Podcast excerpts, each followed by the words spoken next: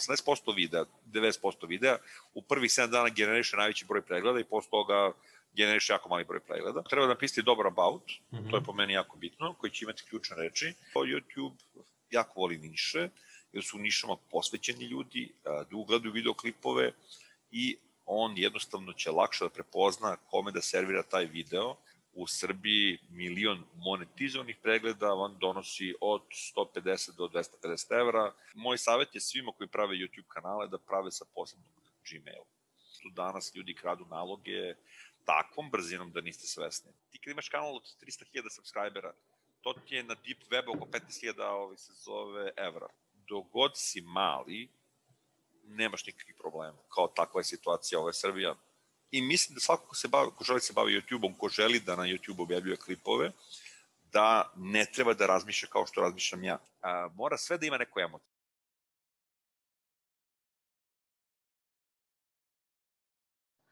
Dobar dan svima, moje ime je Ivan Ćosić i pre nekih deset godina bavio sam se pisanjem blogova. Danas je mnogo, mnogo uh, popularniji format podcast. Danas imamo preko 500 e, miliona blogova na internetu, a samo 2 miliona podcasta i nekako, evo, 10 godina kasnije, podcasti su e, novi trend, e, ima sjajnih podcasta iz kojih možete mnogo naučiti i ja imam veliki broj svojih prijatelja sa kojima bih voleo da evo u ovo vreme epidemije porazgovaram, popričam, da čujem šta ima šta je to novo, šta je to što rade, čime se bave. Ovo je nulta verzija podcasta i u nultoj verziji podcasta, u nultoj epizodi pozvao sam svog dobrog prijatelja Aleksandra Raškovića i želim sa njim da pričam na temu kako napraviti YouTube stranicu na kojoj ću te podcaste i postavljati. Dobrodošao. Ko te? Bolje te našao. Prvo, ne smiješ da imaš ovako veliki uvod niko neće gledati. Et, eto saveta, odmah. Eto saveta, odmah saveti, da, da ovih dana baš gostujem po podcastima, bio sam i ovaj, kod i, Igora, Igora, tako je, ne Ivana, Igor, Iva, Igora Kosugora, Kosugora, ovo, i tamo smo što ja mislim da on Ivan. Ja mislim da on Ivan. Da, on je Ivan, Ivan, Ivan, ne Igor, ja. Ne smeš grešiti Jašković oko... Ali non stop ga zovem Mo... Igor. Znači, zapamći se kao Igora i to je to. Moraš, čovjek mi ispričao moraš govoriti faktološki. Ne, ne, moram da ispričam anegdotu koju mi čovjek ispričao. Čovjek upisao fakultet i prvi treba da radi prvi kolokvijum i loguje se i kuca Ivan Kosovar. I ne može, ne može, ne može. I kao, aj kao proba Igor. I uloguje se bez problema kao Igor. Znači, žena koja ga je ono čula na, na, na šalteru, ga je upisala kao Igora. I onda posle išao da objasnim da nije Igor, nego da je Ivan. Pa ne bilo pa kako to? A vede, zašto ima Ivan Kosogor, svi onda čuju Igor, razumeš, aha, u glavi. Aha. Dobro. Tako da, da. E, pa pazi... Da, mene su zvali a... Rašković, Rašković, tako da, većinom Rašković su me zvali, zašto ja, ja izbrbljam onako, Aleksandar Rašković, i oni su, molim, molim, šta? Tako da, eto. Dobro, A, dobrodošao. Mogu, mogu si da iskoristiš ono kao dva puta kao bateriju. Da, da, a, pa dobro, tako se... To sam Anonimni alkoholičar, to nije. E, tad nije to bilo popularno moje doba. moje to, pa... Sad je, sad je popularno, znači svaka ova serija, sad neka nova Ameri imaju vrhunsku ono TV propagandu na temu antialkoholizma i bukvalno u svakoj drugoj seriji filmu možeš da vidiš e, neki ej, moment. Ne, nekako, ja, ja ne mogu da ti opišem to. Ja ne kažem da ne verujem u propagandu. Znači, ja sam čovjek koji je ono ko dosta... Ali ja bih nazvao propagandnom edukacijom. E, e, to možda. To možda. Znači, to nije ona propaganda, ona... E, to nije hard propaganda, to je soft propaganda. Da, nije indoktrinacija, nego ono... Nije indoktrinacija, razumeš ono kao, ali... ali sećaš naših vremena, recimo, ono kao kad smo mi bili klinci, kakvi su bili filmovi i koliko u tim filmovima, recimo, bilo e, suludo propagirano kako u slučaju nekog, ono, nekog dešavanja je najveći problem sa onim likovima koji prave paniku. Da, da, da, da. Kako kaže, to, to mi je rekao, pričao, kao do pre par godina, kao kad god žena u filmu krene da vrišti, muškarac je šamari par puta I onda se okrene i kaže, hvala, to mi je trebalo. A toga više nema sad, realno. Definitivno nema i ne bi ni trebalo da bude, ali... Uh, ja čekaj, sam, čekaj, ja čekaj, jesi ti bio u situaciji u kojoj ono kao žena vrišta? Jesi ikad bio u toj situaciji? Ja nisam, ne znam šta bih radio. Ne znam da li bih ja, ne znam da li bi mi šamar pomogao. Mi smo sigurni muškarci, pored nas žene ne vrište. Ja, ja siguran. Ja bih bio taj lik ko me lupaju šamare, druže. A moguće, moguće. Ja bih bio taj lik ko me viču smiri se, ko je te smiri se. Moguće. A, ali sam mislio na ono, uh, u, u to vreme, kraj 90-ih, recimo, je bilo jako mnogo onih uh, vulkan, zemljotres. Da, da, da, da, da, da, uvek su pokorni. Ono, vanzemaljci, naravno. Naravno. I onda kao kad se izlazi van grada i slično, i onda ima varijanta ej sad, ono, sad svi koji su e, paničili su zablokirali izlaze i ostalo i baš mislim da sam čitao neku, ovaj, i neku, neki izveštaj na temu uh, first respondera, odnosno ljudi koji su se prvi pojavili kad je bio uh, 11. septembar, da su bukvalno ljudi bili relativno dobro organizovani i da je to baš posledica tih stvari koliko je E, koliko su ljudi koji su paničili pravili probleme u filmovima. A sad, Nije, sad... misliš da je, da je postojao taj vibe, da su ljudi shvatili, aha, nemoj da paničimo, da, vidi da kako su pomrli.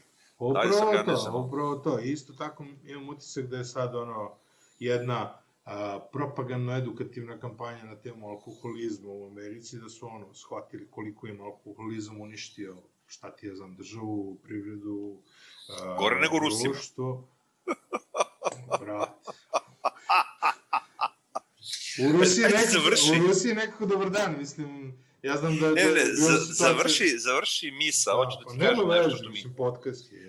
A, dobro, ovaj, ajde da te prekinem, onda, znači, ono što je meni fascinantno, znači, koliko ruska država mrzi svoj narod. Znači, to je nešto što, sad kao, kao kako to kažeš? Pa to kažem na osnovu ove situacije.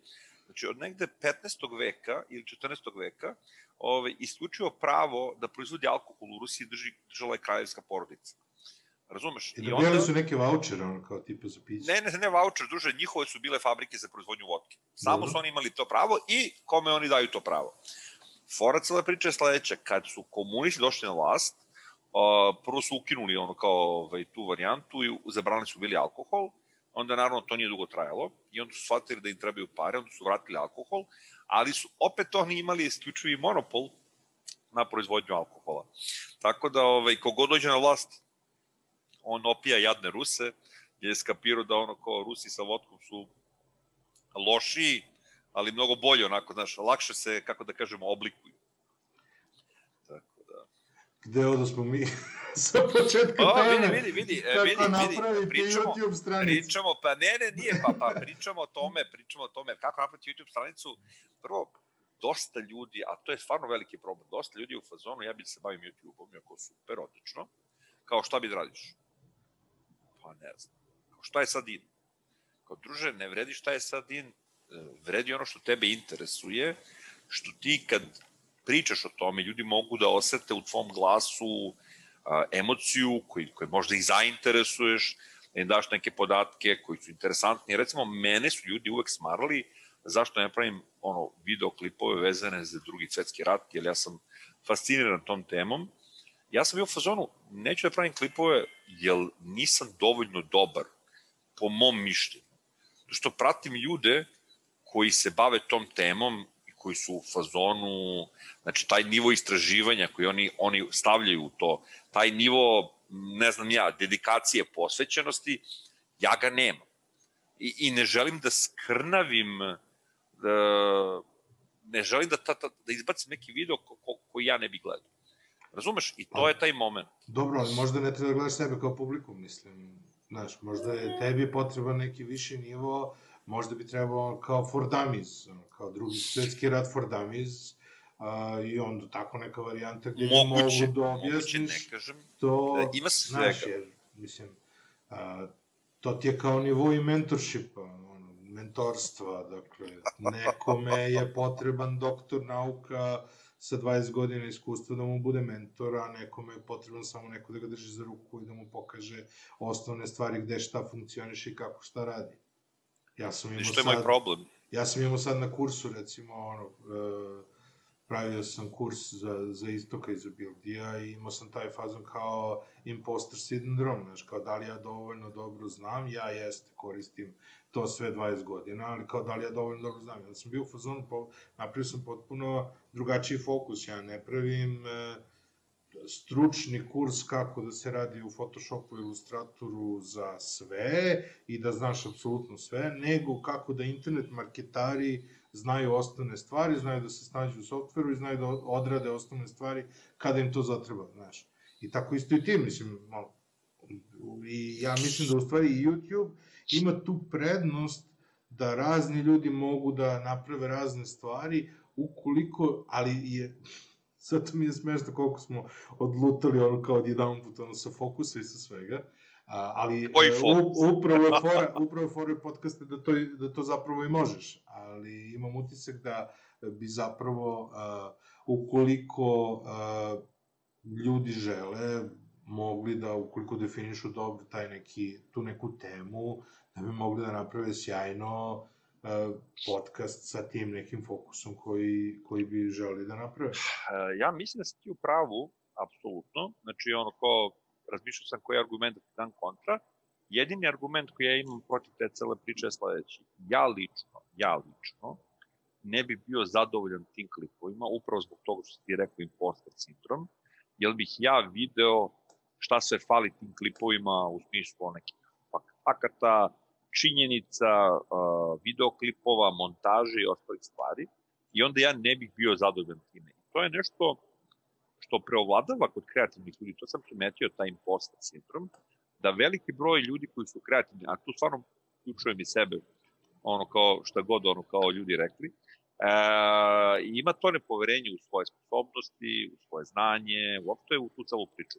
To je nešto što je jako loše i nije dobro ako ćete da budete popularan youtuber, jer vera u sebe je jako bitna za bilo ko hoće da se probija na YouTube-u, jer morate da izdržite prilično neargumentovane ono, i jednostrane kritike koje će mu upućivati ljudi koji ne kapiraju koliko ni truda ni vremena je potrebno da se napravi jedan interesantan video. Da, gledaj recimo neki uh, intervju koji se dešava na, na ulici. Naravno da tamo će uvijek da uhvate one koji su imali uh, odgovore koji nisu bili tačni, da nisu imali pojma i slično ali zamisli koliko ima ljudi koji nemaju ni bazično znanje o nekim stvarima i koje, Ma, kojima se. bi e, nešto što je a, osnovni uvod u drugi svetski rat. Šta je potrebno da znate o drugom svetskom ratu? Ukratko, recimo. To je nešto što bi mogo da uradiš bez problema. Ne bi mogo ni jedan istoričar ti kaže, e sad, znaš, kao ti nisi rekao baš koliko je taj ta armija ispalila ono granata u toku te i te bitke, kada su se probudili rano ujutru, razumeš, i kada su stigli na vreme na položaj, mislim.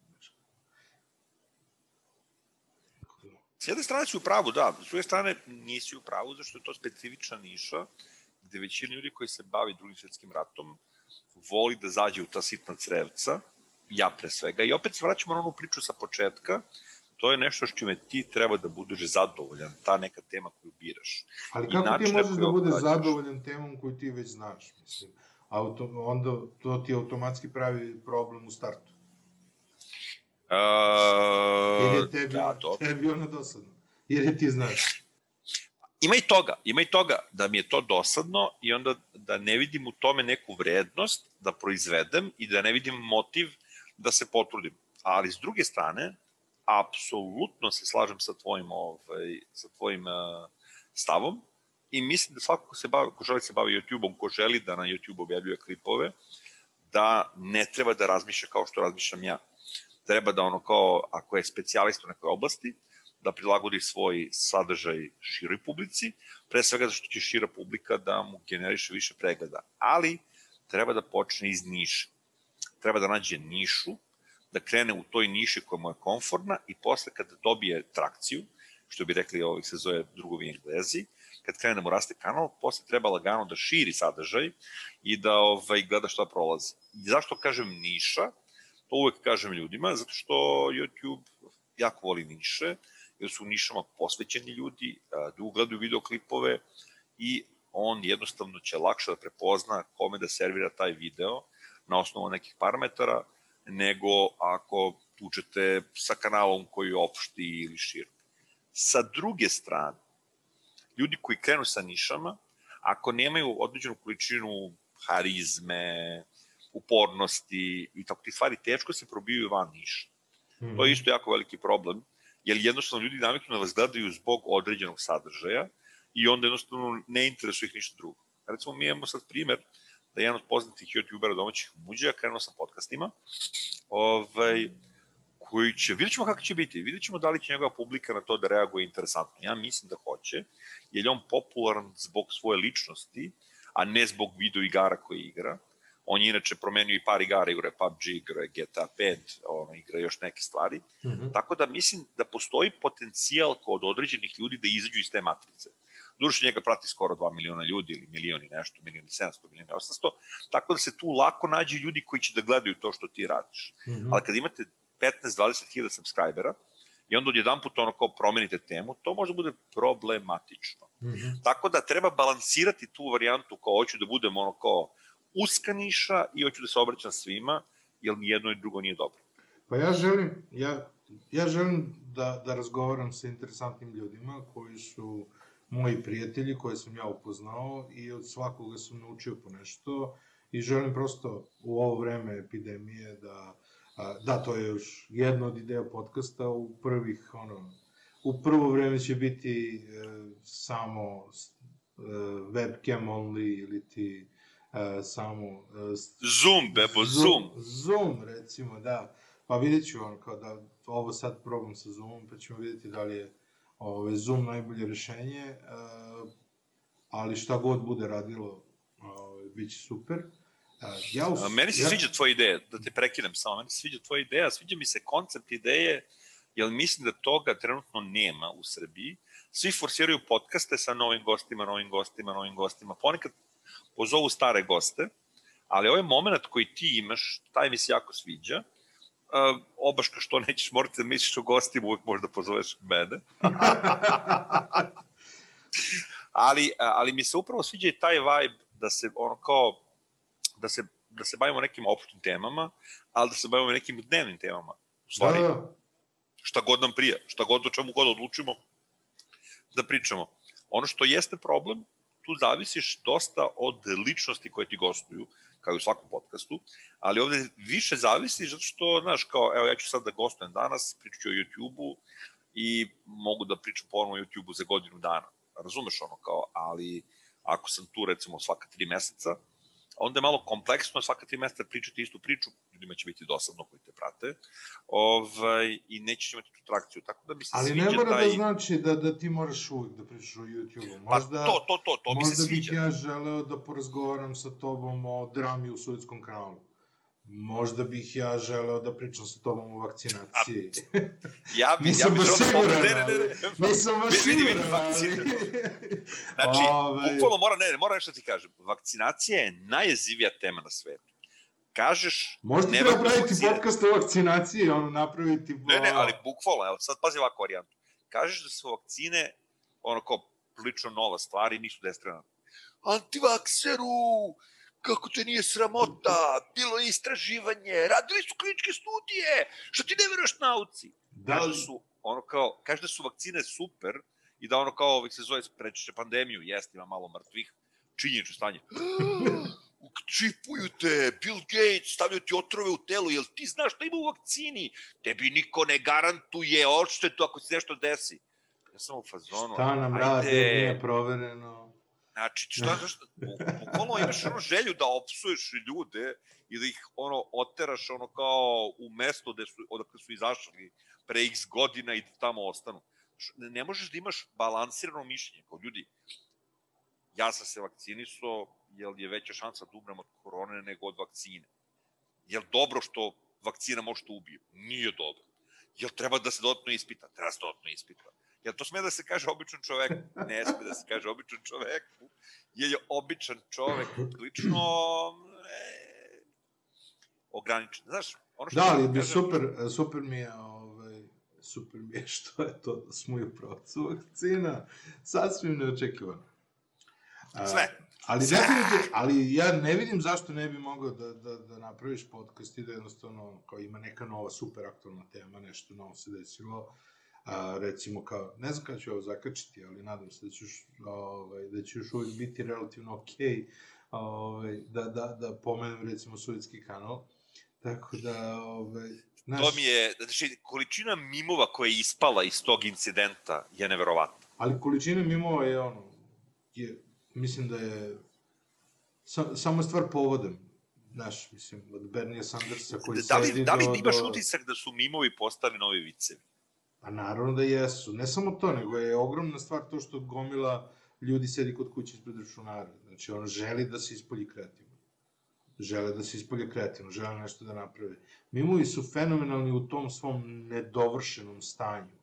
Zato što bukvalno je potrebno da nalepiš ono, niko neće gledati da li ako si umontirao nekoga, uh, ono, umontirali su Vučića, bre, u Sudetski kanal, razumeš? Znači, ali sad niko nije gledao, znaš, kao da li je ono Vučić Frajštendovan, to je ono, kao uklanjanje pozdine. Da je to, ove, a moram, je ga da, da, da stavim de- definiciju na svaku reč. Ove, da li je ono kao svaki deo kose, one garderobe Ja sam dobro siguran da je neko to baš gledao. Da, da, pa naravno, neko je fora da je on sa lopatom, razumeš, pred broda. Tako da, ali e, baš mislim da je, da je, ove, da je produkcija mimova doživjela neverovatan raz zbog, zbog pandemije. ne samo to, moram da ti nešto kažem, stvarno to nemaš, ne, ne pratiš, ali na Instagramu postoji je na stotine, pa mislim na stotine stvari mala reč, na hiljade, ono, kao stotina, ovaj, na stotine hiljade je prava reč u stvari, stranica koje se bave samo mimovima, Instagram stranice koje, Mhm. ono, kreiraju mimove, šire mimove i tako te sitnice. Mm -hmm, Pa dobro, mislim, definitivno s obzirom na to da je Instagram postao mnogo dominantnija mreža u poslednje vreme, a kako, kako mu ide rast iz godine u godinu, da je definitivno to mreža na kojoj, e, na kojoj su mimovi dominantni. A, ono što je meni... Slike. Da, slike, slike, slike, a mim kao, kao samo tip slike.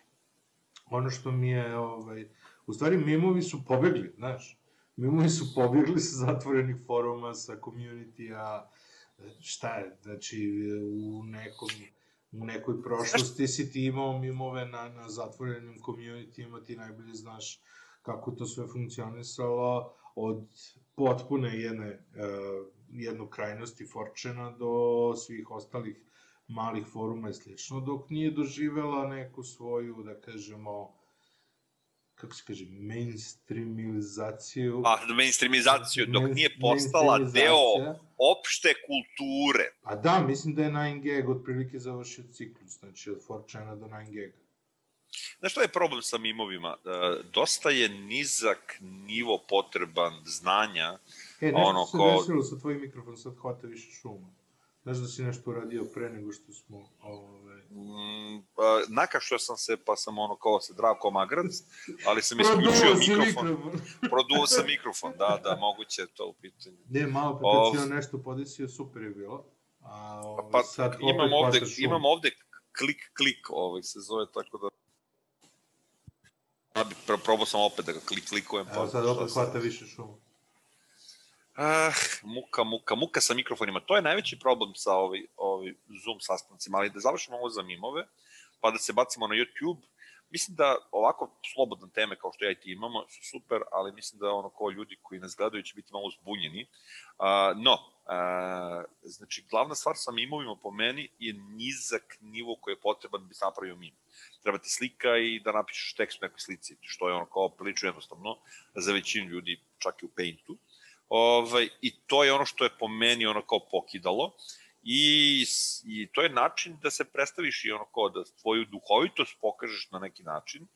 Mislim da je duhovitost postala, kako ti kažem, postala je bitna za ljude. Znaš, ono kao, svi mi se tešimo da smo zabavni, i, ali sad imaš mogućnost da pokažeš ljudima koliko si ti u stvari zabavan. Tako što ćeš ili da podeliš neki mim, ili tako što ćeš da ono kao ovaj, napraviš neki mim. I jedno i drugo, naravno, pravljenje mimova je mnogo, mnogo manje, onako, mnogo manje ljudi pravi mimove nego što ih deli, ali ovaj, i to je taj varijanta, ja kad podelim neki mim, to je nešto s čime se ja slažem i samim tim, ako vidim ljude koje sam nasmeo, ja uživam u tome. Mislim, ista je priča koja je nekada, nekada pričanje viceva. Da, deljiva umetnost. Deljiva umet, deljiva, pa ne bih nešto umetnost, ali deljiv humor koji na neki način i za koji treba da imaš isto preznanje. Znaš, ja neke mimove ne razumem. Ne razumem te odnose. Recimo, neko ko, znaš, ono, plaki pas i, zato i jak ja pas sa šibom. Zato, zato ja mim smatram umetnošću, zato što isto kao i umetnosti, neke umetnosti razumeš, neke ne razumeš. Pozdrav za Marinu Abramović. mim je prisutan. Da, da, da, Marina ti je mim umetnik, ja ne znam kako ti objasnim to. Znači, posediš i gledaš čovjeka koji vrišti, razumeš, 15 minuta, to čiji smim. Ovaj, Da se vratimo mi na YouTube. na YouTube, to, to, to, to. ok, ajde sad ovako. Znači, ono što mene sad interesuje ja. jeste, a, ja sad za sve ovo, za, za podcast i za cijelu ovu priču, treba da napravim neke stranice i nešto što mi je potrebno. A, šta mi je potrebno, kako se u 2021. pravi YouTube stranica od, More? Pod jedan nije YouTube stranica, nego YouTube kanal. Facebook je stranica, a Instagram je ovaj se zove nalog. Čisto da lingo, druže, ja sam ipak Note digitalni marketing. Note pa mislim, on, da ne bude posle, nije teško uopšte. Ovaj, moj savjet je svima koji prave YouTube kanale da prave sa posebnom Gmail. Ima više razloga za to, glavni je što ako postanete popularni, količina spema, phishing napada i ostale stvari koje ćete dobiti će biti unfucking believable. E, druga stvar je da obavezno aktivirate tu faktor autentifikaciju na tom nalogu. Ovaj, I ako postanete popularni da ono, izvojite novac za poseban telefon, neki matori pametni telefon koji će držati samo za logovanje. Mislim da ćete na njemu imati ono ko varijantu, ne instalirate nikakve aplikacije i ostale setnice, pošto danas ljudi kradu naloge takvom brzinom da niste svesni. Znači, i to je baš jako nezgodno. Znači, to je neki moj savjet. Šta treba napraviti? Treba napraviti brand channel. Uh, nije uopšte komplikovano napraviti brand channel, kucate how to make a YouTube brand channel izaće vam milion oko vodiča što video, što tekstualnih. Kad to uradite, znači dali ste ime svom kanalu, napravili ste ga, i tu podešavanja, tu settings, ubacite neke tagove ono, u opis kanala, čisto bi YouTube znao s čime da radi, i to je ono u suštini to. Što se tiče uh, profilne slike, što se tiče ono kao cover fotke i ostali stvari, opet imate na Canvi gomilu template-a, ovaj, gde možete da iskoristiti da, ovaj, za vaš kanal, Canva je besplatna i to je ono kao super varijanta i onda ste, što se mene tiče, spremni. Treba da uđete u kanal, da ovaj, uradite verifikaciju kanala, to je da vam uh, pošalje SMS uh, YouTube na vaš telefon, možete da verifikujete dva kanala godišnje na isti broj, kad to uradite imate pravo da live streamujete, imate pravo na video klipova koji su duži 15 minuta, imate ono, mogućnost gomila nekih opcija. To je prvi korak. Sledeći korak je monetizacija kanala, kad nakupite 1000 subscribera i 40.000 minuta watch time-a, ne sam uvijek tu greši, da je 4000 sati, 4000 minuta, misle su minuti, ili 400 sati watch time-a, tako nešto, ove, imate pravo da podnesete zahteve za monetizaciju, mm -hmm. koji vam može, ali ne mora biti odobren, zavisno od vašeg sadržaja. Ako vam odobre, ovaj, se zove sa monetizaciju, onda ovaj, ćete zarađivati pare od YouTube-a i uvek to objašnjavam ljudima, ako hoćete zarađujete pare od YouTube-a, pravite sadržaje namenjene američkom tržištu, japanskom, a, eventualno zapadna Evropa, a, nikako nemojte praviti sadržaj na srpskom, jer od pregleda da nećete zaraditi puno para, pošto u Srbiji milion monetizovanih pregleda vam donosi od 150 do 250 evra, u zavisnosti ono kao kakve su reklame, kakav je CPM, da li ima neka kampanja i ostalo, što nije puno, a milion pregleda jeste prilično. Da pređemo na engleski odmah. Pa, well, hello, hello, and welcome hello, to my friend, another, po, another one podcast. Yet Kako bi preveo još jedan podcast? Kako bi preveo još jedan podcast? A yet another podcast. A yet another podcast, yes. Yet yes. another podcast, zato i hoću da ga zovem još podcast 1, što je kao još e, Yet Another podcast je još jedan podcast, a još podcast jedan vuče na Zvonka Na- Bogdana. na Zvonka Bogdana. Da, još litar jedan. Ima fenomenalna strofa u poslednjoj rečenici pesme. Danas je, jesmo, sutra ko zna gde smo. I to mi je otprilike to- super to- sad za, za pandemiju, za sve ovo. Mislim, jedan od gosti, jedno od gošći koju planiram da pozovemo u podcast je Irina, koja je bila moja školska prijatelj, e, školska, kol, stvari ne, školska, ali, Drugarica, a, koleginica koja je bila moja školska, tačno. školska, pa to sam teo da kažem, pa sam teo da nastavim, pa a, moja školska, zapravo smo na fak zajedno, tako da a, i bili smo super dok je bilo u Srbiji i sad je napravila sjajne stvari, ona je novinar profesionalni i gomilu znanja vezanih za video i za montažu i ponela sa sobom u Kanadu, ispostavilo se da... A znaš ko je dao znanje za YouTube? Znam, znam. Znam. E, Sinoć I šta je dobro kod nje? Znaš šta je dobro kod nje? Što je kao pravi štreber sve zapisala i primenila i onda me cimala posle da me da pita da li je dobro primenila, ja sam je objasnio gde mislim da greši, da mislim da ne greši i na kraju je bilo u fazonu hvala ti puno. Uh, ja sam onda proverio njen kanal posle meseca i po dana nešto bez veze i šokirao se kad sam vidio da žena ima tipa 20, 50, 70 hiljada pregleda na tim nekim onako videoklipovima i bio sam u fazonu wow, onda je napravila fantastičan klip o beskućnicima koji me je prilično i potresao i oduševio, jako je dobar klip. Mislim, vidi se da je to iskustvo novinarsko kod nje prisutno i taj isto klip pokidao baš jezivo. Tako da, Upravo zato sam a- ja želeo da prvi, e, prvi klip napravim sa tobom, prvi podcast, jer znam da ako odem tamo i isklikćem sve živo, da mogu ja sam da napravim YouTube stranicu. mogu ja to sam. da, da, mogu ja to sam. I ove, pozdrav za nju. E, dakle, ono što, naravno, meni ne treba, ne treba mi kanva, do duše, ovaj, ali, ali verujem, dobro verujem da ću se snaći. O, gospodine, grafički dizajner, to... Pa, ti si malo pre imao. Self-appreciation moment. A, mora malo, mora malo. Ja, mislim da tu, uh, mislim, da napravim digresiju malu.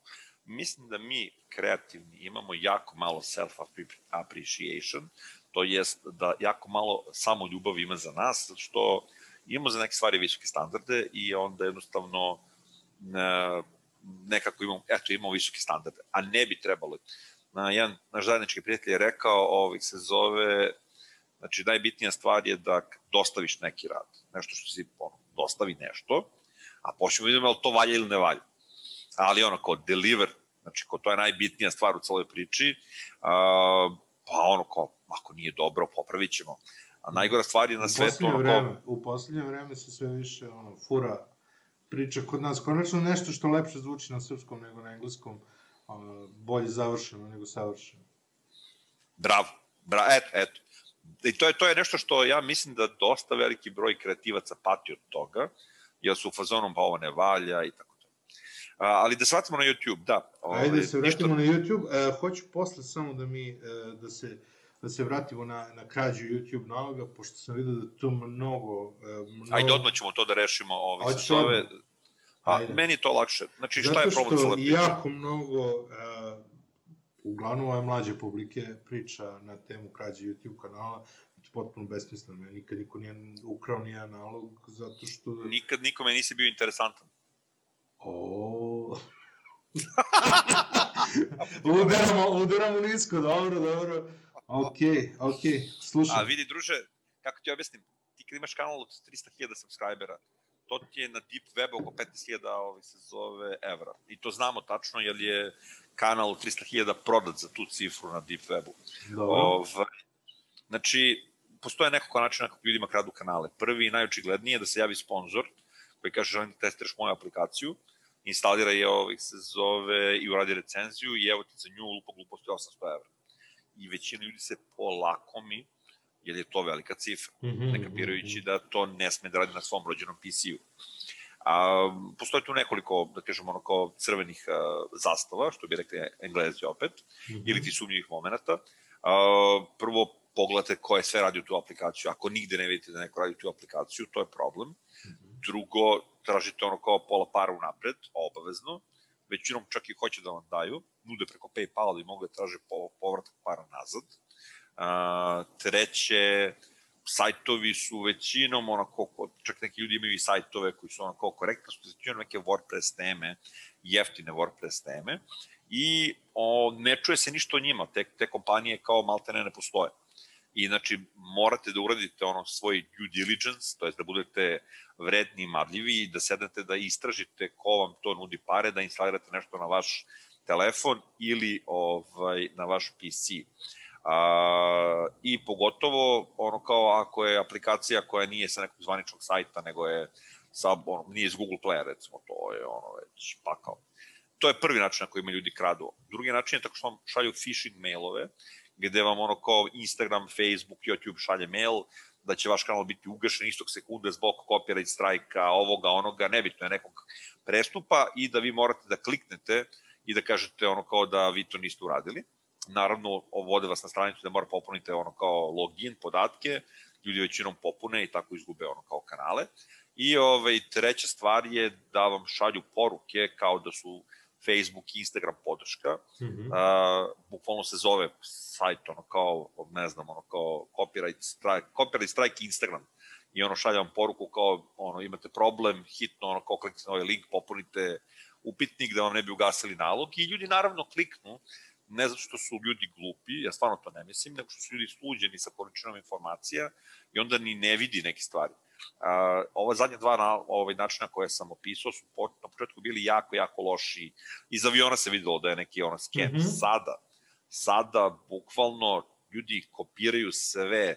Znači, bukvalno ceo mail izgleda kao da vam ga je stvarno poslao YouTube ili ono kao Facebook ili Instagram sa sve logojima dole, dizajn uh, maila, one, ma, i adresa gore je tako napravljena da vi ne vidite da je u pitanju neka druga adresa, sve dok ne kliknete gore da vidite tačnu adresu, što mali broj ljudi zna kako da uradi, a kamoli ono kao da to rade, kao proveru radi.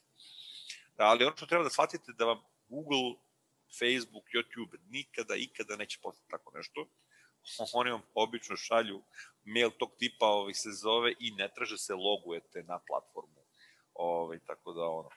A, Dobro, i čekaj, za, za tu faktora, odnosno dvostruka autentifikacija, on kada ti pošalju kod na telefon, to sprečava u startu, zar ne? Uh, da i ne. Da i ne, ovo se zove...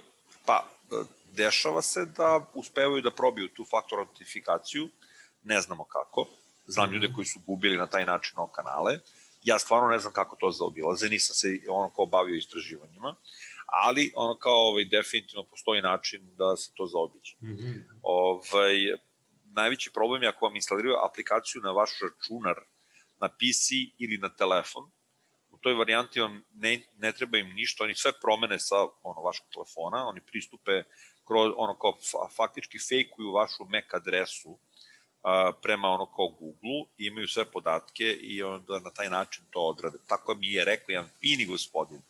ovaj, koji se bavi tim stvarima. Inače, Supreme Nexus, uh, youtuber, on je izgubio kanal uh, ono putem hakovanja uh, i posle toga je objavio dva ovaj, intervjua sa čovjekom koji se bavi ono kao etičkim hakovanjem, tako on kaže, mm -hmm. valjda. I on je objasnio na koje sve načine se detaljno kradu kanali, tako da ono, po meni ljudi slobodno to pogledajte, ovaj, to vam je najbolja varijanta, ali činjenično je da treba biti oprezan, ono što je treći način je skidanje softvera sa interneta. Sada, na ovim ovaj, torrentima koji su ono kao javni, mm -hmm. ima ekstremna količina softvera, o, jako poželjnog softvera koji u sebi ima viruse, mm -hmm. koji u sebi ima trojance. I onda ovaj, to je jako nezgodno. Pre par godina kompletna industrija je, ovaj, se zove koja se bavi zaštitom ovaj, znači antivirusima, oni su ono kao rešili, klasifikuju sve krekove, bilo da su za programe, bilo da su za ovaj, Windows, bilo da su za video igre, kao viruse. Mm -hmm. I vi sada ne znate da li stvarno ima virus unutra ili nema. Vi morate da verujete morate da neki način verujete toj grupi, to je toj osobi koja je okačila taj softver na ono, a to nije dobro. I to je, je da, veliki problem da za nas. Pa jeste, ali znaš kako, za nekoga ko nema para da odvoji za dobe, ovaj, a naviku da radi na njega, to je ono kao problematika. Naravno, nisam ja u fazonu jadni ljudi, ono kao, ali jesam u fazonu jadni ljudi, jer kao takva je situacija, ovo je Srbija, a, tako da ove, nemamo baš puno para da platimo neke programe koje bi možda da živimo na zapadu morali, ili platili ili bi to želeli na kraju krajeva. Dobro, uh, još jedna stvar za, za krađu koju sam ja čuo da se dešava, a, vezano za tu faktor autentifikaciju, a, neki sajt je u Srbiji konkretno hakovan tako što je haker došao lično ispod prozora lika koji je držao sajtove, ušao na njegov Wi-Fi koji nije bio dobro zaštićen, a svi njegovi sajtovi su bili dobro zaštićeni i onda je bukvalno uspeo da, da uđe na, na računar na njegovu mrežu i da praktično presretne svu komunikaciju. Znači one mailove kao zaboravio sam šifru, zaboravio sam ovo, on bukvalno uspeo da presretne te podatke pre nego što su stigli do računara. Uh, pa čuo sam ja za to, ovaj, ali mislim, znaš kako... Meni dalje to sve potpuno ono, fascinantno, ja nikad nisam se bavio ti si svestan da ti imaš ono kao za mobilne telefone uređaj koji ti omogućava da slušaš komunikaciju većine ono kao mobilnih telefona koji su aktivni ono kao tipa 500 metara oko sebe, 300 metara oko sebe. Ok, to jeste specializovana oprema koja mora da se kupi, ono kao, ali neko šta 250.000 evra, to košta ono kao par hiljada evra, tako nešto. Da, znaš, da, problem je u tome što mi jednostavno previše verujemo previše verujemo stvarima koje koristimo, navikli smo se na njih. Mm -hmm. Mobilni, moj mobilni telefon stoji non stop pored mene, razumeš, tvoj mobilni telefon stoji non stop pored tebe, i onda se pojave ljudi koji kažu ono kao čipovaće nas kroz vakcine, i ja se samo nasmejem, razumeš, ono kao, jel, na potrebe, kao, čipovaće nas da bi mogli da upravljaju sa nama.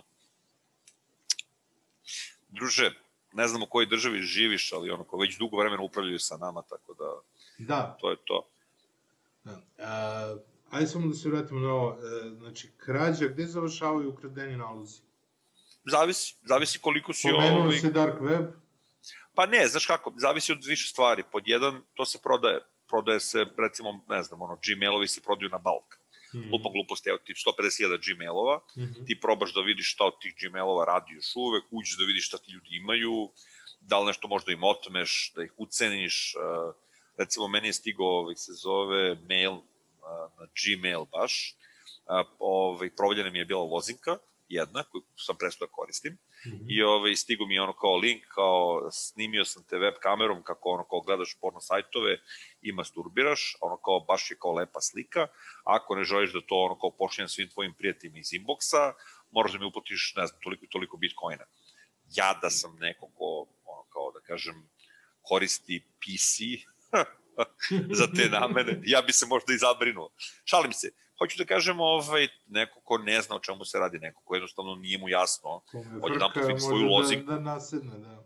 A ne, naravno, to, naravno, mislim, to je, to je ono kao moment cele priče. To je jedna varijanta. Ako imate kanal koji je, kako da kažem, poprilično jak, a, najbolji način da ga iskoristite je da ga kupite na dark webu i da promovišete neku, a, neku kriptovalutu. Mm -hmm. To obično i rade a YouTube je, inače po tom pitanju postoji jako rigorozan, čim primeti tako nešto, odmah gasi kanal, vraćanje tog kanala posle toga je pakao, jer niko ne može da okaže YouTube-u da vi to niste uradili namerno. Uh, većinom, znaš, kao, nema logike, do, kao do juče sam ono, po, postavio travel vlogove i onda od danas promovišem neki random coin i kao, ne, ne, ne, kao, ti si kriv, kao, ban, odmah.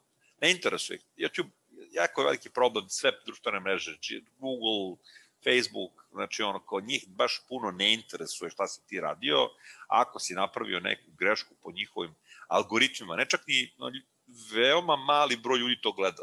Znači, po algoritmima ti si u problemu. Da, to sam shvatio, to sam shvatio, imao sam problema letos, ovaj, kad sam kačio one kvizove, a, inače, a, mislim da sam i tebi slao sa klinicima svojim, a, koji imaju četiri godine sada, radim kvizove, pa onda to šaljamo babama i dedama, gde on, odgovaraju na ono, pitanja kao iz kefalice. I, ovaj, I sad, bilo je leto i tipa, ono, kao, oboje su bili u nekim kratkim pantalonicama i slično, odgovarali su na pitanje i skakali su po, po trosedu, nisu mogli da se smire. I, ovaj, i bilo ono kao dečja pornografija, kao, ono, odmah strike Znaš, kao, sad objasniti kao, sad ti imaš utisak, ono, old school, da to zapravo neko gleda, ali to, to je samo algoritam pokupio gol, gole deče noge, razumeš, i ono, kao, postoji šansa da je bilo kakav... Ja, ono... jako je, jako veliki problem ako vam se nešto desi na YouTube-u doći do živog čoveka. Jako, jako veliki problem. Znači, toliko da niste svesni. Znači, to je, to, to je ono, bukvalno ljudi se dovijaju, taguju ono, YouTube na Twitteru, odlaze na red i tamo pokušavaju da dođu do ljudi. Recimo, likovima su uspeli, da ne uzmemo detalje, AdSense im je bio hakovan ovaj, i sav prihod od kanala od 2 miliona subscribera odlazio kod drugog čoveka. I oni nikako nisu mogli da dokažu da je njima AdSense hakovan, jer je on bio na jednu osobu lupom upusti 4-5 godina i onda je promenjen i godinu dana je bio na drugu osobu. I sada ovi ne mogu da dokažu, a pazi, to, je, to su likovi koji su bazirani, ja mislim, nisu u Americi, ali ono kao ovih se zove, za američko tržište rade, mislim da je neka ovih se zove evropska zemlja ili tako nešto. I to je bio pakao. I što su oni, oni radili? Oni su pisali svaki drugi dan u različita vremena appeal. Mm -hmm. Dok nisu naišli na lika u podršci koji je teo da im pomogu. Znači oni su bukvalno čekali da se promeni smena i pisali novoj smeni. Da, da, da, tebi je to smešno, druže. Oni su 20 dana pisali jedan te isti mail, to je slali jedan te isti mail i pokušavali da nađu nekoga i na kraju su našli nekog lika i pišu bukvalno kako su našli lika, lik je otišao, proverio, video da to što one pričaju je istina i oko 15 da. minuta im je ono kao rešio problem. Ali, s obzirom da ono kao YouTube i Google ne žele da daju pare na podršku, onda to rade većinom algoritmi i rade to većinom ljudi koji su ono kao outside contractor, to je spoljni ono kao ugovorci, mm -hmm. to je ljudi koji nisu zaposleni u toj firmi, nego su iznajmljeni i njih baš puno ne interesu se trude za tu minijaturnu platu koju dobijaju, a, tako da jednostavno, ono, ne, to je potpuno, baš... Ne, potpuno ludilo, znači, a, ja sam još plus imao, imao ono, neke situacije da, recimo sad kako je počelo online nastava, ti znaš da moja supruga, da ne pominjemo imena, a, radi u školi, želeo sam, a, njoj je bilo potrebno neki snimak koji ona ima, nastavni, a, ona radi u a, školi i predaje budućim a, estetičarima i bilo je, bilo je a, tretman masaže. I ja sam probao to da zakačim na YouTube i YouTube to nije prosto dozvolio. Ono na kraju kroz Google Drive da se šeruje fajl. Moram što da kažem, kao nastav. ljudi ne znaju. Većina ljudi koji koriste društvene mreže su normalni ljudi. Ne, kad kažem većina, mislim oko 80%, recimo. Ok, komentari koje ostavljaju ti ljudi su naravno, ono ko, neću da kažem kakve, da ne vređam ljude, ali ovaj, činjenično stanje da, da su normalni. Neće šerovati ništa što je eksplicitno, neće uploadovati nikakve boleštine i ostalo. Ali oni 20% zato nađuje to bahat. Znači, -hmm. ljudi mhm. koji su na Facebooku bave cenzurom sadržaja, to je gledaju sadržaj i odlučuju da li je dobar ili nije. Um, bilo je priča nekog lika da su neki, ono, kao klinci u Americi, uzeli psa i mučili su ga na svakakve načine, da ne uzimo detalje, baš su gadni. Ne, ne, ne, ne, ja stvarno volim životinje i mislim da bilo ko ko muči životinje baš nije normalan. Ovaj, ali u svom slučaju taj lik je morao taj video da gleda nekih 2000 puta sa sve zvukom jer jednostavno je ono ko se pop-upovo, znači jednom kad se pojavi negde, to odmah kreće se šeruje, da, da. ako ga neko skine i reuploaduje, problem je ubiti. Znači 2000 puta si ti gledao vidu da je ono muče životinje. Baš traumatično iskustvo koje nikom ne želim. Da. A, I onda je to veliki problem i onda oni jednostavno a, ne žele da se... Oni igraju zakon velikih brojeva. Znači, kad je došla COPA, a to je zakon koji štiti a, decu na mhm. YouTube-u, mm -hmm mislim, kad se pooštrila copa i kad je YouTube platio kaznu, YouTube je ostavio bez posla gomilu ljudi koji su bili orijentisani ka maloj deci, čiji kanali su bili orijentisani ka maloj deci, li im je ograničio pristup nekim funkcijama da bi ispoštovao dogovor sa američkom vladom. Veruj mi, deo koji se odnosio na to, to je ono, bare 10% YouTube-a. Jako puno kanala je namenjeno deci, dečim pesmice, dečije, ono, kao sve vezano za decu.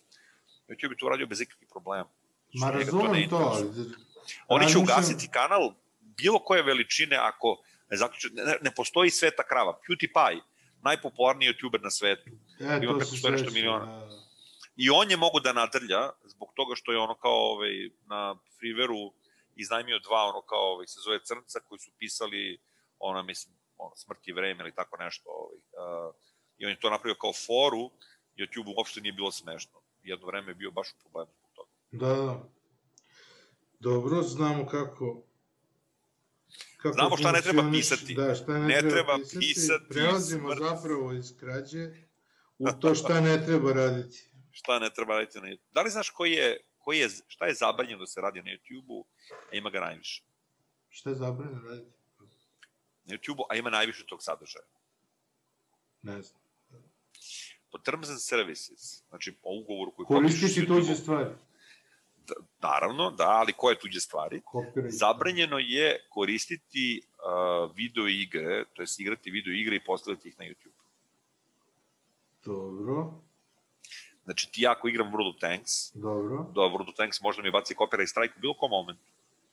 Da, Bilo kom je momentu je- vlasništvo izdavača. Tako je. Tako je. Dobro. To što oni ne rade, to što oni biraju da to ne rade, ne znaš da ja ne kršim uslove. dobro. Tako je, to ne znaš da ja ne kršim uslove. Dobro, znači oni u bilo kom trenutku mogu da stave copyright strike na tvoj video. Na bilo koga. Mhm. Dobro, ali... I ja tu ne mogu ništa. ali Ja ne- mogu da ih tužim sudu, razumeš, i izgubit ću. Dobro, čekaj, to je ona fora kao uzmu ti pare koje ti zaradiš od toga, ne? Ne, samo ti ugase kanal. Mislim, ugase kanal ili ugase taj video.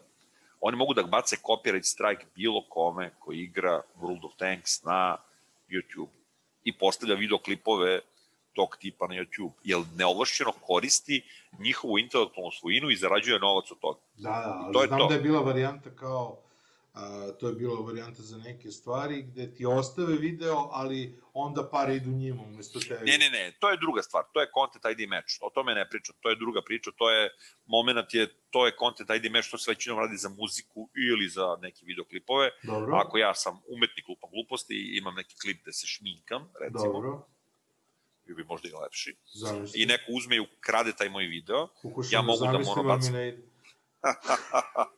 ja mogu da bacim copyright strike, Dobro, a mogu da bacim i Content ID match. Dobro. Content ID match nisi mogao da napraviš kao običan korisnik jedno vreme, mislim da je i Mhm. sad prilično komplikovano, nego mora da budeš deo ili neke mreže, Mhm. ili da imaš ono kao određene ovaj, više konekcije sa YouTube-om u smislu da budeš ono, da imaš content, uh, content sistem neki, da imaš, da, da imaš aktivan content sistem. Ovaj, tako da kažem ti, to je ono kao fora cele priče. Content ID match postoji i ljudi baš jako ono kao, ovaj, zbog toga imaju agresiju, jer imaš jako veliki broj multi-channel networks koji imaju pravo da bacaju content ID match, koji to rade bez ikakvih problema, Mhm. a, dosta neosnovano, dosta često bez ikakvog osnova i onda uzimaju ljudima pare. To je toliko eskaliralo da je u nekom trenutku YouTube rekao ok, i sad kad nekome staviš content ID match i ako nekog disputuje to, to je usprotivi se tome, dok se ne dokaže kome te pare treba da idu, pare ne idu ni jednom ni drugome, nego se čuvaju u nekom neutralnom mestu. Mhm. Jel se dešavalo da recimo ja objavim video, svaki video generiše 80% videa, 90% videa, u prvih 7 dana generiše najveći broj pregleda i posle toga generiše jako mali broj pregleda. Neko mi baci content ID match čim izađe video, po 7 dana ja uspem da ga oborim, ali to je već kasno, oni su zaradili pare. To je toliko eskaliralo, da su ljudi pisali peticije po YouTube-u da su ono kao kukali, žalili se, tako da se na kraju to desilo. Dobro, ili ima još nešto što ne smeš da radiš sa YouTube stranicom? Onako baš da, ali da, znaš, naravno da, da sam normalan i da neću praviti gluposti, ali... Kripto je problem. Ovaj, šta je... Kripto je problem, to je jako veliki problem, znači kripto je ono kao bilo što što je vezano za kriptovalute, to je trenutno situacija koja može da bude nezgodna. Čekaj, sve što je vezano za- svog prijatelja koji se time bavi, ne smem pričam o tome. Smeš da pričaš o tome, ali ne smeš da promovišeš određene kriptovalute Aha, ili aha, da dobro. utičeš na njihovu cenu na jedan ili na drugi način. Aha, šta to znači? Aha, da on analizira kako će biti tržište i šta treba Pa sme kupiti i to da radi, sme i to da radi. Ne smeš direktno da vičeš kupite ovaj, znaš, ne smeš da budeš u fazonu o, ova kriptovaluta nju mora da kupi. Da, da. Razumeš, ono kao, ovaj, e, e, jel to je navođenje na, znam, e, baš je, baš je, kako ti kažem, baš je Dobro, mutno. A, Dobro. oružje je isto problem postalo, zbog Amerike, zbog ono kao američkih ono kao ove, situacije, ono pucima po školama i ostalim situacijama. Oružje je nekad bilo izuzetno profitabilno isto. Postoji jako veliki broj ljudi koji vole oružje, ono kao ovaj, istorija u problemu. dobro, A, mogu da, zo, veliki- mogu da zovem Murkita da pričam o oružju, ne? Možete, naravno, nije nikakav problem, ali ovaj se zove, uh, kakav je to kanal gde pričaš o oružju, da se ne vidi oružje, gde se ne vidi kako puca oružje, gde se ne vide kadrovi Pa oružja. dobro, razumeš? brate, mi pričamo o YouTube-u, sada ne vidi se podešavanje kanala, mislim. Nije atraktivno, ako me razumeš. Znači, možemo mi to da radimo. Ne pričam ja o tome da su to fiksne zabrane, Dobro, Gde će šta tebi se- neko ugasiti znači, kanal. Glavna je stvar šta se vidi, aha.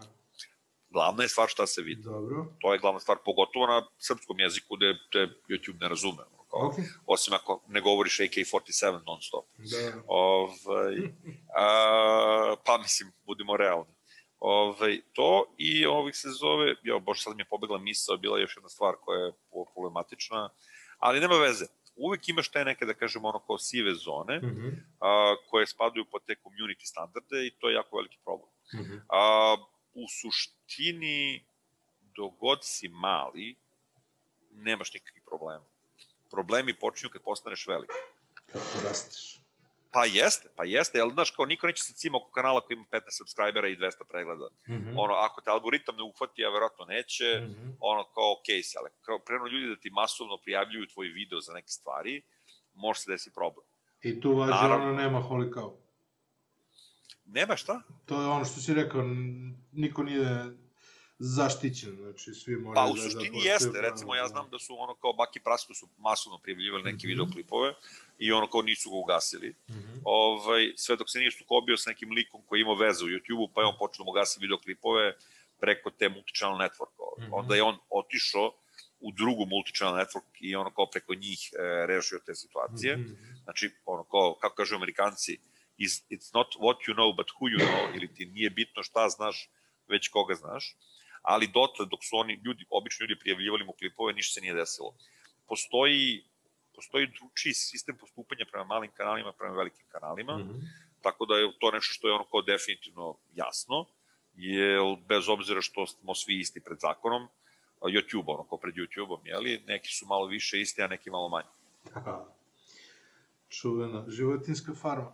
Elem, a, O, da. kad se podesi kanal, šta postoji od podataka, od važnih stvari koje treba da se uradi, sem onih grafičkih elemenata i pravljenja stranice, a, šta je još važno? Onda što ako treba napisati dobar about, Mhm. to je po meni jako bitno, koji će imati ključne reči, treba ubaciti tagove za kanal koji sam rekao, uh, i to je to. Pošto se mene tiče, treba se napraviti prvi video, Mhm. treba napraviti recimo barem 4 ili 5 videa preko što počnete aktivno da promovišete kanal. Ima razloga za to dosta. Glavni je što, ono, kao ako imate neki sadržaj koji je interesantan, da barem dođu ljudi da vide, ono, kao kad nešto ima. Mhm. Uh, treba da napravite, uh, treba da napravite teme, to je napišete teme koje ćete obrađivati, da istražite te teme, da istražite konkurenciju, da vidite šta konkurencija radi, da vidite koje konkurencija ključne reči koristi, da li koristi ključne reči, uh, koje tagove koristi, kakvi su im opisi, da vidite da li to možda poboljšate, treba naravno da pogledate šta ljudi pričaju o YouTube SEO-u, imaš ono kao kod mene neke tekstove, mada nešto pretrano pametno, imate po ono netu gomilu stvari. Meni je žao, ja sam napravio kurs koji je na Masterboxu, koji je prilično dobar, ali mi je žao što nemam ono kao ovih se zove nešto što je free da pomognem ljudima. Treba da sednem i da napišem tako nešto. Ovaj, to su neke osnovne Evo stvari. jednog. Zašto? Evo jednog sadržaja. Evo jednog, da. Evo jednog sadržaja. Zašto je, zašto je bitno istražiti konkurenciju? Zato što mora da vidite šta oni rade uh, i da vidite kako da se prilagodite njima i da li možete da ponudite nešto drugo, nešto bolje, nešto interesantnije nego što to vaša konkurencija radi. I to je deo koji najveći broj ljudi ne uradi. Jednostavno, dosadno je, mrzi ih, nemaju vremena, jednostavno se baca u pravljenje videoklipova i onda se pitaju što nešto ne radi. Da, treba da smisle kako će izgledati klip, treba da smisle ono kao barem osnovnu ideju, da većina ljudi opet nema vremena da se bavi time, pa samo sedne i snima nešto pa posle montira. Mhm. Mnogo je lakše snimati kad već u glavi imate ideje kako ćete nešto raditi. To je ono ko isto što je bitno. I ovaj, treba da nađete grafičke elemente za vaš video koji ćete ubacivati, kojima ćete osvežiti vaš video, kojima ćete ubrziti tempo. Znači neke potpise, neke ono kao možda animacice kratke, neke mimove, da bi to sve izgledalo malo dinamičnije gledalcu. U prvih 15 sekundi, ako imate duži video, obavezno stavite nešto zanimljivo iz videoklipa, znači isecite, izvucite, stavite na početak, onda stavite jingle, najavu, šta god već, pa onda ne krene ostatak videa je to jako bitno, u prvih 15-20 sekundi vi dobijate ili gubite gledalca, ljudi obično tih prvih 15-20 sekundi potroše neki uvod koji je besmislen, predugačak, Kao moj što je bio. njima interes, pa naravno, činjenično stanje, pa ne. Dobro, ali ako, Znači, izvučem, ali ako izvučem zabavne elemente odavde, pa to Tako stavim, je, tako je, pa to tako je. stavim na početak, a Tako onda je, tako moj je. uvod bude, onda ću sačekati da, da bi čuli Tako ono, je. ono što je... Tako je, i ono što je mora ljudi da rade, mora da traže da se subscribe-ujete, mora da, da podsjećate ljudi da se subscribe-uju, da lajkuju, da tražite da komentarišu, pitajte ih pitanja. E, ali mene to smara, da recimo kad gledam neke, ono, kad gledam... Znaš šta je problem? A, To si mator si, druže, mator si. A možda sam ja. mator, ali isto tako imam utisak da tehnološki taj jedan aspekt uopšte nije istražen. Znači, trenutak kada ti odeš i kada kupiš nešto, a, zato što te je pogodila dobro neka reklama, ajde da kažemo da je a, standardni internet marketing uradio svoj proces kako treba i sad pogodila te reklama i e, pogodila te je dobro, ti baš želiš taj proizvod, kupio si taj proizvod, tebi ta reklama juri još 20 dana, bez obzira što si obavio svoju kupovinu. Zato što je loše podešana konverzija na sajtu. Da, da, ba, između ostalog, znaš, ali recimo, znaš, kao... Mislim, budimo realni, druže, ako si kupio uh, preko sajta nešto i nakon toga ti juri reklama još 20 dana, nemaju dobro podešane konverzije. jedna od stvari, ali uh, kod, uh, zašto se vraćam na YouTube? Zato što uh, sve više viđam u klipovima sada uh, razne zvučne i ostale uh, sugestije da se neko subscribe-uje slično, tokom videa, uh, što mi smeta na kanalima na kojima sam ja subscribe-uvan i kojima sam verni, verni fan. Znaš, E, zakon velikih brojeva, jednom će da smeta, sto njih će se subscribe i to je to. Ne prave se svi videoklipovi za Ivana Ćosića, nego se prave za što širu publiku.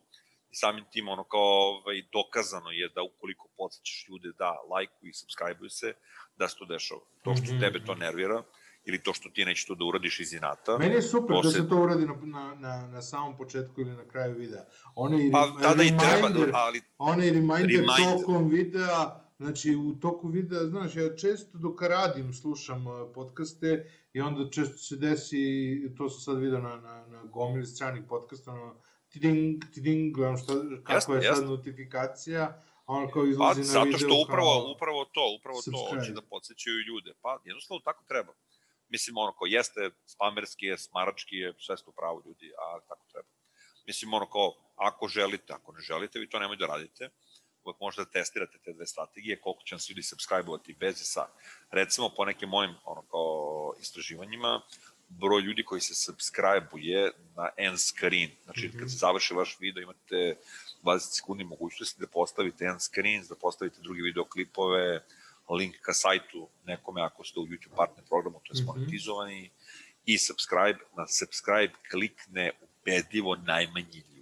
Dobro. Znači, neko će odgleda vaš video, ali će jako teško da se subscribe-uje, pogotovo na to. Tako da zbog toga to ljudi rade. Mhm. I uopšte svi jure broj subscribera, meni je to totalno ok, razumem zašto to jure, jako je bitan taj broj, ali lagano se YouTube pomera od te priče sa subscriberima i vaš video može da šeru ljudima koji nisu vaši subscriberi ako imaju slične navike kao ljudi koji su subscriberi na vas Mhm. šta je jače, šta je bitnije, kokoš ili jaje, da li je bitnije imati više subscribera ili imati video koji apiluje na ono kao dobar watch time i koji je ono zanimljiv i jedno i drugo je bitno, jednostavno jedno bez drugog ne ide. Ako imate dosadne videe, neće imati puno subscribera, a ako imate ono kao, ovaj, uh, ovaj, neće imati puno subscribera ako imate dosadne videe. Tako da ovo, sad sam rekao jednu istu stvar na, na ono kao dva Na načina, ali. Ali to je poenta, jednostavno kanal neće rasti ako niste zanimljivi. Ba da, kao i Google algoritam. Bez obzira koliko vi kukali, kukali i molili u klipovima i ono, zelene oči i bil, daj kume neki subscribe, da ti bude živa žena. Znaš kao, ljudi to ne interesuje. U većini slučajeva ih ne interesuje, ali ako ih oduševite, oni će da vam daju taj subscribe.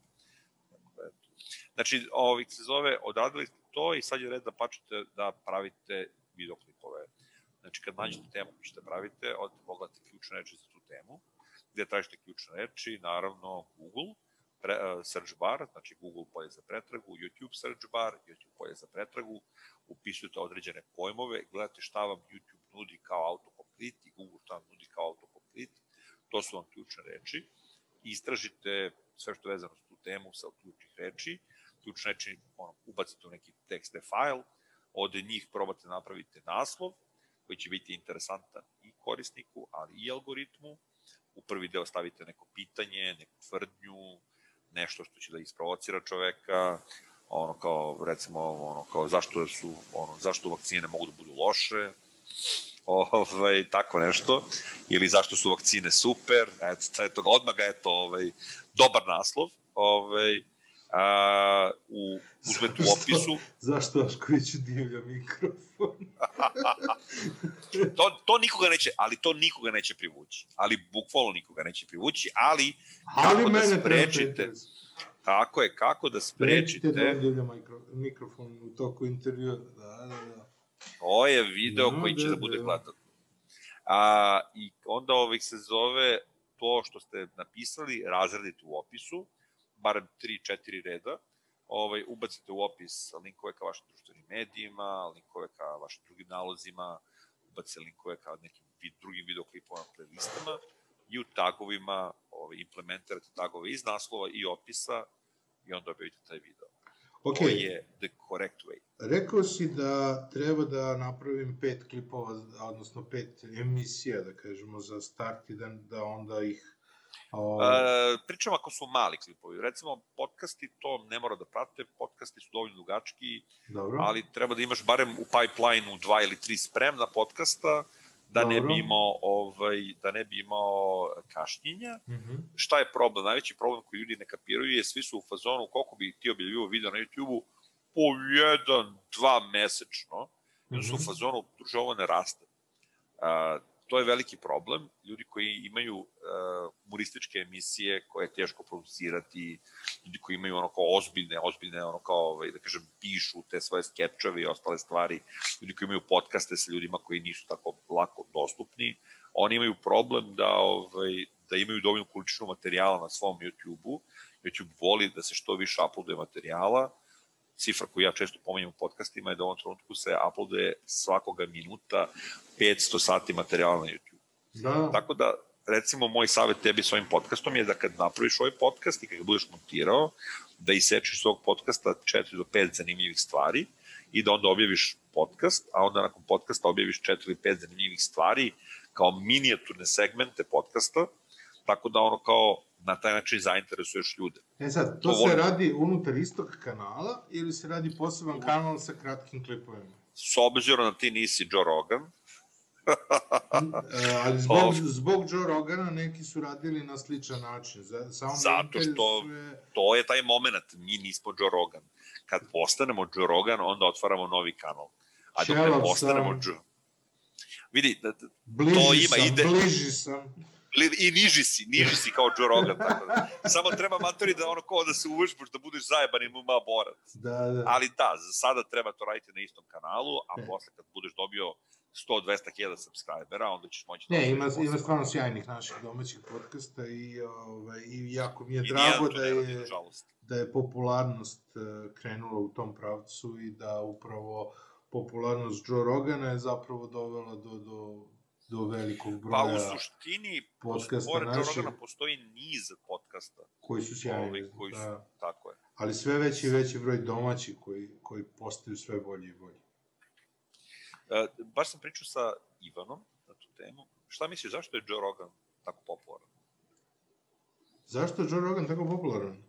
Da. Pa meni je sjajno zato što uh, vidim sad paralelu između Ercega i njega, zato što imaju jedan sport koji kastuju i i jedan podcast? E, pa ja ne mislim. Ja mislim da je Joe Rogan popularan moje lično mišljenje zbog toga što se suprostavlja sa mišljenjem svojim ono kao gostima.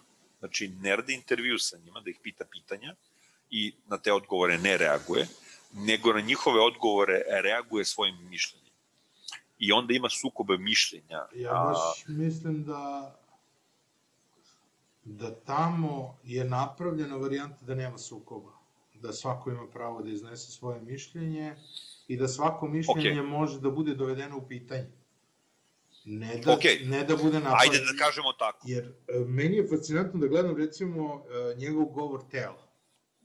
jer je on uh, sigurno uh, vizualno superiorniji od dobre, više od polovine svojih gostija. On mnogo slobodnije sedi, recimo, to je ono što je meni bilo fascinantno, koliko on ima fenomenalan govor tela, on uh, neverovatno je kako sedi opušteno, ono, raširenih ruku i ostalo. Kad govori sa drugarima koji su iz uh, ono, MMA, i koliko uh, skuplja svoja ramena dok govori, znači bukvalno govori ovako, ja ne mogu ni da skupim svoje ramena. Ove, znači, bukvalno ima neki skupljeni položaj u trenutku kada govori sa ljudima kojima on može da deluje ovaj, zastrašujući. zastrašujući. Tako da mi je to fascinantno koliko on menja svoj a, a, s, svoju postavku u intervju u zavisnosti od gosta. I ja mislim da je ono što je fenomenalno oko njega upravo to, da njegova bazična zainteresovanost za temu, to je ono što je sada meni potpuno sjajno kod Galeba, na Agilastu, i to koliko on uspeva da svojim nekim stavovima, u stvari mišljenjima, više nego stavovima, mišljenjima isprovocira da gost onda objasni detaljnije i podrobnije svoj ugao. Jer svako tamo objašnjava svoje mišljenje ili svoj ugao. A, ni u jednom trenutku nisam primetio indoktrinaciju nekom temu, nego je jednostavno svaka Jeste. tema ostavljena da ti sam doneseš zaključak, pa ti, brate, Jeste. ono, Ove, I to je, to je Jeste. ono što, to je ono što je Americi, U Americi ono kao, se zove, postoji pokret žena koje ono kao mrze Joe Rogana, pošto je Joe Rogan postao naša Oprah Winfrey, ovaj, mislim, muška Oprah Winfrey je postao, i nemaš ono pokret žena koje su u fazonu, ako ti kao, ako muškarac sluča Joe Rogana, beži od njega. Jel tu postoji i neka fringe ekipa, ono, ultradesničarska koja ga slavi kao svog idola, ovaj, a meni stvarno ja nemam taj problem da kažem da se sa nekim stavovima njegovim slažem, sa nekim ne, ali većina njegovih stavova su meni od ono kao relativno bliski do ono kao solidno bliski. To je jedna stvar koja mi je simpatična. A druga stvar mi je ono kao fantastična je što njega i desničari i levičari ne vole, ekstremni desničari i levičari ne vole, ali da ga ekstremni levičari mnogo više preziru nego ekstremni desničari, zato što daje platformu, tako oni to kažu, platformu desničarskim ono kao varijantama. I činjenično stanje da je YouTube, bez obzira na napor, ono kao glavešinu u platforma koja naginje desnici. Mm -hmm. Znači, naginje desničarskim stavovima. Zašto je to tako, stvarno nemam ideju. Neko će sigurno da se pojavi ko je studirao gender study i patriarh, patriarhat, da nam objasni zašto je to tako u komentarima. Ali ovaj, činjenično je stanje da to postoji kao, ono, kao, kao situacija. Ono što je drugi problem je što u stvari na YouTube postoji toliko mnogo sadržaja da to što nešto naginje, to je, to je YouTube je toliko veliki da kao... I sve zavisi kako gledaš. Ja sam imao recimo jednog mentora koji mi je objašnjio da su u stvari a, ekstremi mnogo bliže umerenim a, e, elementima, da je sve jedna velika kružnica i Jasne. da recimo neka sredina je na sredini kružnice gore i ta kružnica ide ovako i recimo, ajde sad, na, konkretno levica, ekstremni desnica. levičari i ekstremni desničari su ovde. su yes. zapravo mnogo bliže nego što su yes, neki yes. koji su umereni. Dakle, umerena levica, umerena desnica su zapravo na najvećoj udaljenosti. Tako isto bilo šta, bilo koji drugi polaritet je zapravo može da se, može da se gleda kroz to. A, dobro, udaljili smo se od ovih kratkih, dugih e, tema. E, znači, podcast se pušta, veliki i seku se kratki klipovi i oni Tako se je. objavljuju na istom kanalu. E sad, ono što mene sad interesuje, recimo, ja imam, a, poslušao sam a, onaj Minićev komentar da treba da napraviš spisak od 100 ljudi koji bi zvao da bi da bi ti podcast rastao. Fenomen, fenomenalna vežba. Znači, a, 35 a, imena bez problema. Znači, t, To je pakao, 40, to je pakao koji niko ne razume. 45, 55, kao, uh, u, kao, pa nije, neće ovo da bude problem. 55, 75, hm, ovo može da bude i problem. 75 do 100, kao, poslednji, kao kad sam prešao 95, poslednjih 5, kao. Međutim, ono, napravio sam... To je baš pakao, to je baš ali, pakao, ali to je čisto, si čisto uradio. ispoštovanje prema njemu, znaš, ovaj, uh, bilo mi je fenomenalno to kad, kad je rekao, znaš, kao zvučno mi, kao, pa to, to ne bi trebalo bude teško i hteo sam da probam. I kao Ne, napravio, meni to zvuči jako teško. Ja iskreno nisam siguran sam- da mi mogu da nabrojim na ono 100 ljudi koje bi teo da intervjuišem, a da mogu da dođem do njih. Znači, ne 100 ljudi koje bi ja teo da intervjuišem, 100 ljudi do kojih ja mogu da dođem. Meni je to problem. ja mogu da dođem, samo nisam siguran baš koliko bi svi mogli da ispričaju nešto što bi bilo zabavno, ano, malo, malo široj publici, znaš. Tako da i, E, to jeste problem. i da li znači, bi svi želi da se eksponiraju. Znači, to je isto veliko pitanje danas. Znaš kim bi ja teo da pričam? Sa Sa? Nestorovićem. Meni je on fascinantan lik. Iskreno. Pa Znači, pazi, doktor brate, to bi trebalo da se najavljuje kao, ono, kao Las Vegas, ono, događaj. Ne, ne, ne, ne, ne, ne, ne, ne, ne, ne, ne, ne, nik- nikakav, ne, ne, nikakav, nikakav sukob sa njime, ništa sukob sa njime. Uh, jedna moja prijateljica imala je dete koje je bolovalo astme, ona se kuno Nestorovića, Mhm. i ja ne sumnjam u njegovo, kako da kažem, u njegovu, pomozi mi reći, ekspertizu za neke stvari, pre svega kad su plućne bolesti u pitanju. Ovaj virus i njegovo mišljenje o virusu je po meni malo van njegovog domena, možda i nije, ja stvarno nisam medicinski radnik i neću da sudim. Meni je Nestorović harizmatičan. imaš intervju On je meni njim, harizmatičan. Imaš intervju sa njim koji je urađen uh, u novembru ili decembru, otprilike pre uh, pandemije, uh, koji je uh, urađen za televiziju Marš iz Valjeva, to je govornica Mileta Perića. Mile Perić je inače uh, jedan od mojih prvih mentora i čovek uh, iz Petnice i uh, radio je intervjue nije baš u formi podcasta, više ono kao old school intervju, samo dugačak format zbog YouTube-a kao platforme. Govornica Mileta Perića i tamo imaš Nestorovića, Šalji ovaj, fenomenalan intervju, pa možeš da ga odgledaš. A ja mislim da bi tvoj intervju sa Nestorovićem sad, posle pandemije, bio vrhunski, tako da trebalo da razmisliš A, na to te... ne, to su ljudi koji me interesuju. Interesuju me ljudi koji, znaš, interesuju me ljudi koji imaju, koji imaju, koji su stručnjaci, ali nisu uobičajeni stručnjaci, to je prva stvar.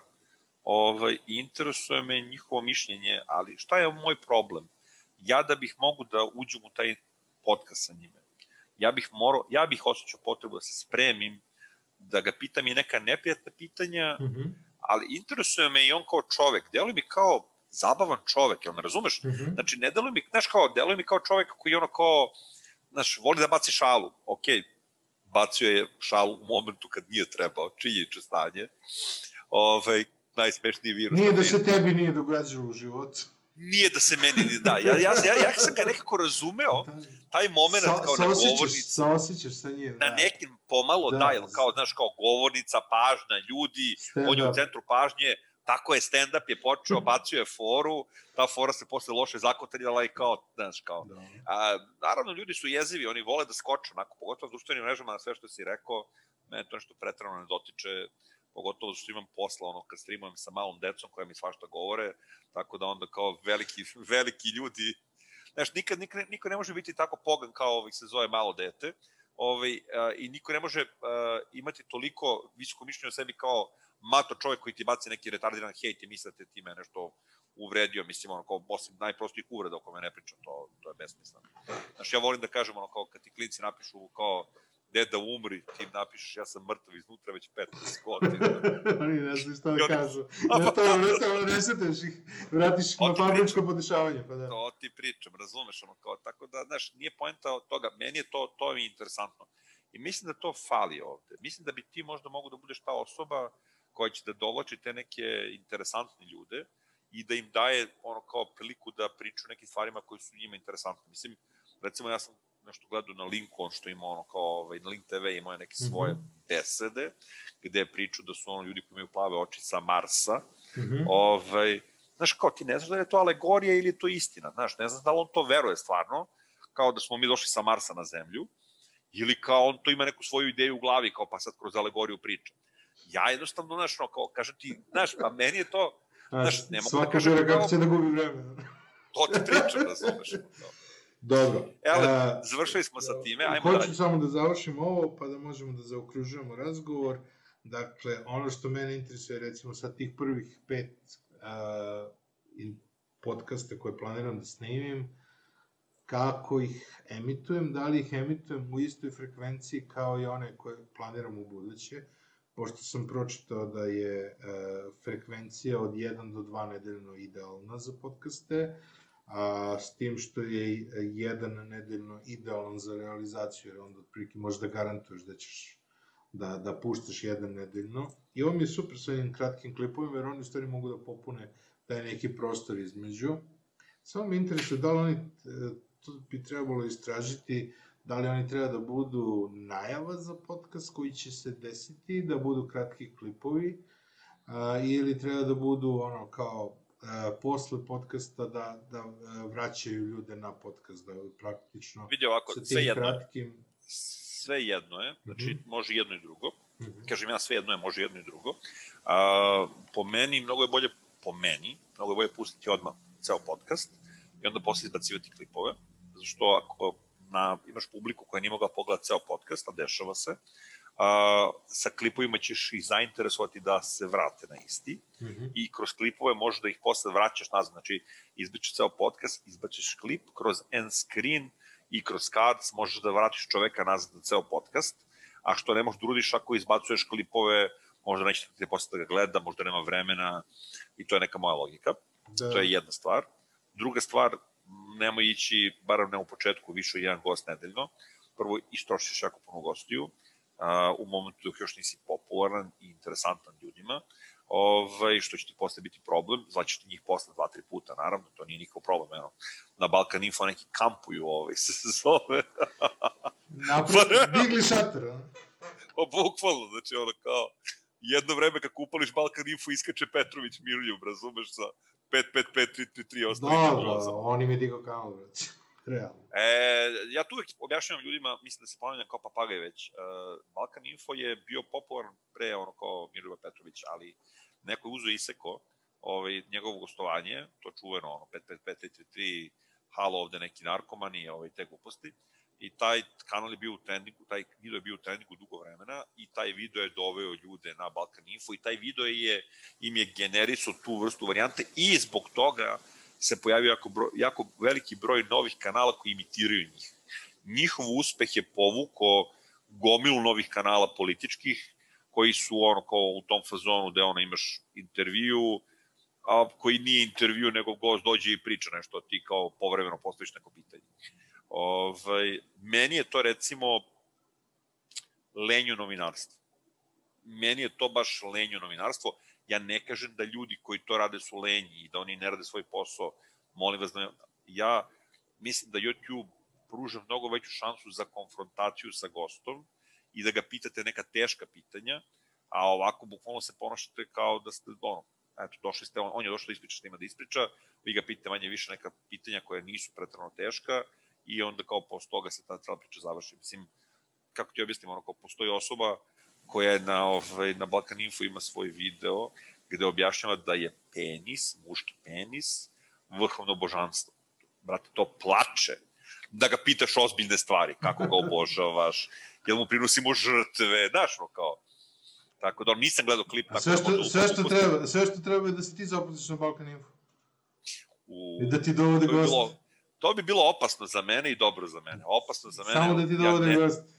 Da, da, da, da, da, da, da. Dobro, pakao, pakao. s obzirom da si se nagledao svega, kako ti deluje ovo sad ovako da ga zaokružimo sa ovim za pa, nulti mi kao, podcast? Kao, deluje mi kao početak balkanskog Joe Rogana. Wow! A, brate, samo bahato. Smo rekli na početku da smo ono kao ovaj, samo kritični. Aim high. Ajde da ne budemo Aim samo high. kritični. Kako? Aim high. Aim high, pa da. Cilj je visok šta je bitno? Bitno je da izbacuješ video svake nedelje. Znači, to je mm. najbitnije. Nedostaju, mi, nedostaju mi ti ljudi, vole bi da popričam sa njima. Znaš, ja volim da, da sednem, popijem kafu sa nekim sjajnim ljudima. A, znaš, sa, sa Vojom Žanetićem sam išao na konferenciju na, na, kom smo, na kojoj smo učestvovali na panelu, da je neko mogao, ono što sad radi Clubhouse, mislim da je neko mogao u tom trenutku da snima naš razgovor odavde do Mokre gore i nazad, to je, brate... A to su najbolji razgovori zašto ih niko ne snima. Ima i toga, ima i toga, ali ja ne mislim, ja ne mislim da u dobrom razgovoru između a, dvoje, dvoje ljudi koji imaju šta da kažu, a, da isto tako ne može da, da se napravi kvalitetna, kvalitetna stvar. A, naravno da postoji rezerva, ali ne verujem da bi, da bi puno elemenata a, bilo cenzurisano ili ovako ili onako. Definitivno da ima i toga, ali mislim da razgovori koje mogu da napravim sa ljudima koje poznajem, koji su sjajni u svojim ove, u svojim stvarima koje rade ili stvari koje ih interesuju, na kraju krajeva ne mora da bude ni, ni, profesija, ni profesija, može da bude i hobi. Uh, mislim da mo, mogu da se naprave neke sjajne stvari. Vidi, um, evo šta možemo da damo kao taste of things to come, ili ti ukus stvari koje će doći, kako glupo zvuči srpski prevod. Ove, da najavimo možda, za recimo par meseci kad me ponovo budeš zvao, uh, uradit ćemo uživo analizu tvog kanala, i onda ću ti objašnjavati gde se pogrešio, zašto si pogrešio, koje tagove nisi trebao da koristiš ili jesi, ili ako to budeš ispravio pre zahvaljujući meni, onda ćemo se voditi ono kao idejama zašto si te tagove stavio, zašto si baš njih izabrao, zašto si ove naslove davao i to je varijanta.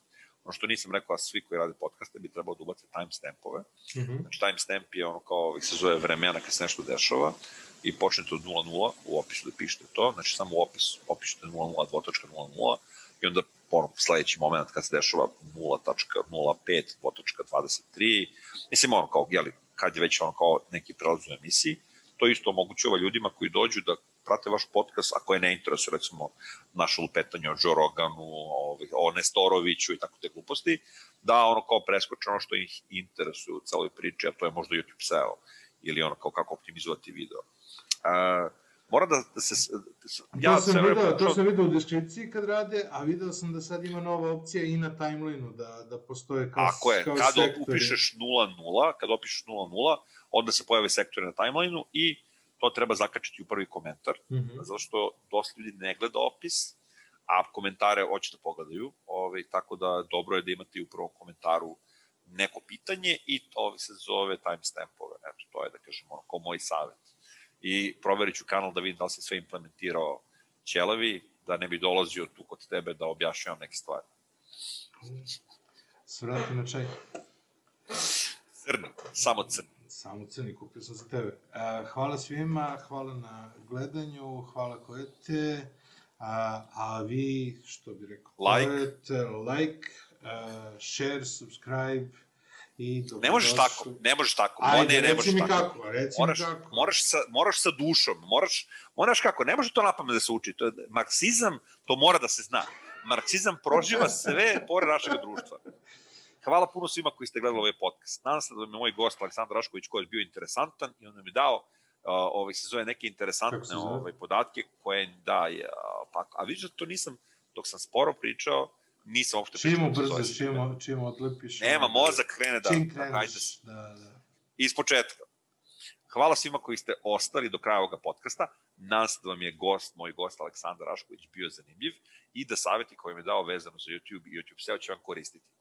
Ako vam se svidao moj sadržaj, obavezno kliknite na subscribe i kliknite na zvonce. Obećavam da vas neću bombardovati sa puno videoklipova, a mislim da bi i vama i meni značilo da se što čeće družimo.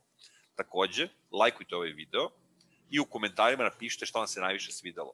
A ako vam ne smeta, šerujte ga po nekim društvenim mrežama, ja ću biti jako srećan zbog toga. Vidiš, sa razumevanjem, sa željom da se dopadneš. Znaš, nemoj to onako, ovo, kao je, kao like, subscribe, share i to je to. Moraš da ih, a, mora sve da ima neku emociju. Mislim da ću time završiti ovaj video upravo sad. Hvala svima, prijatno.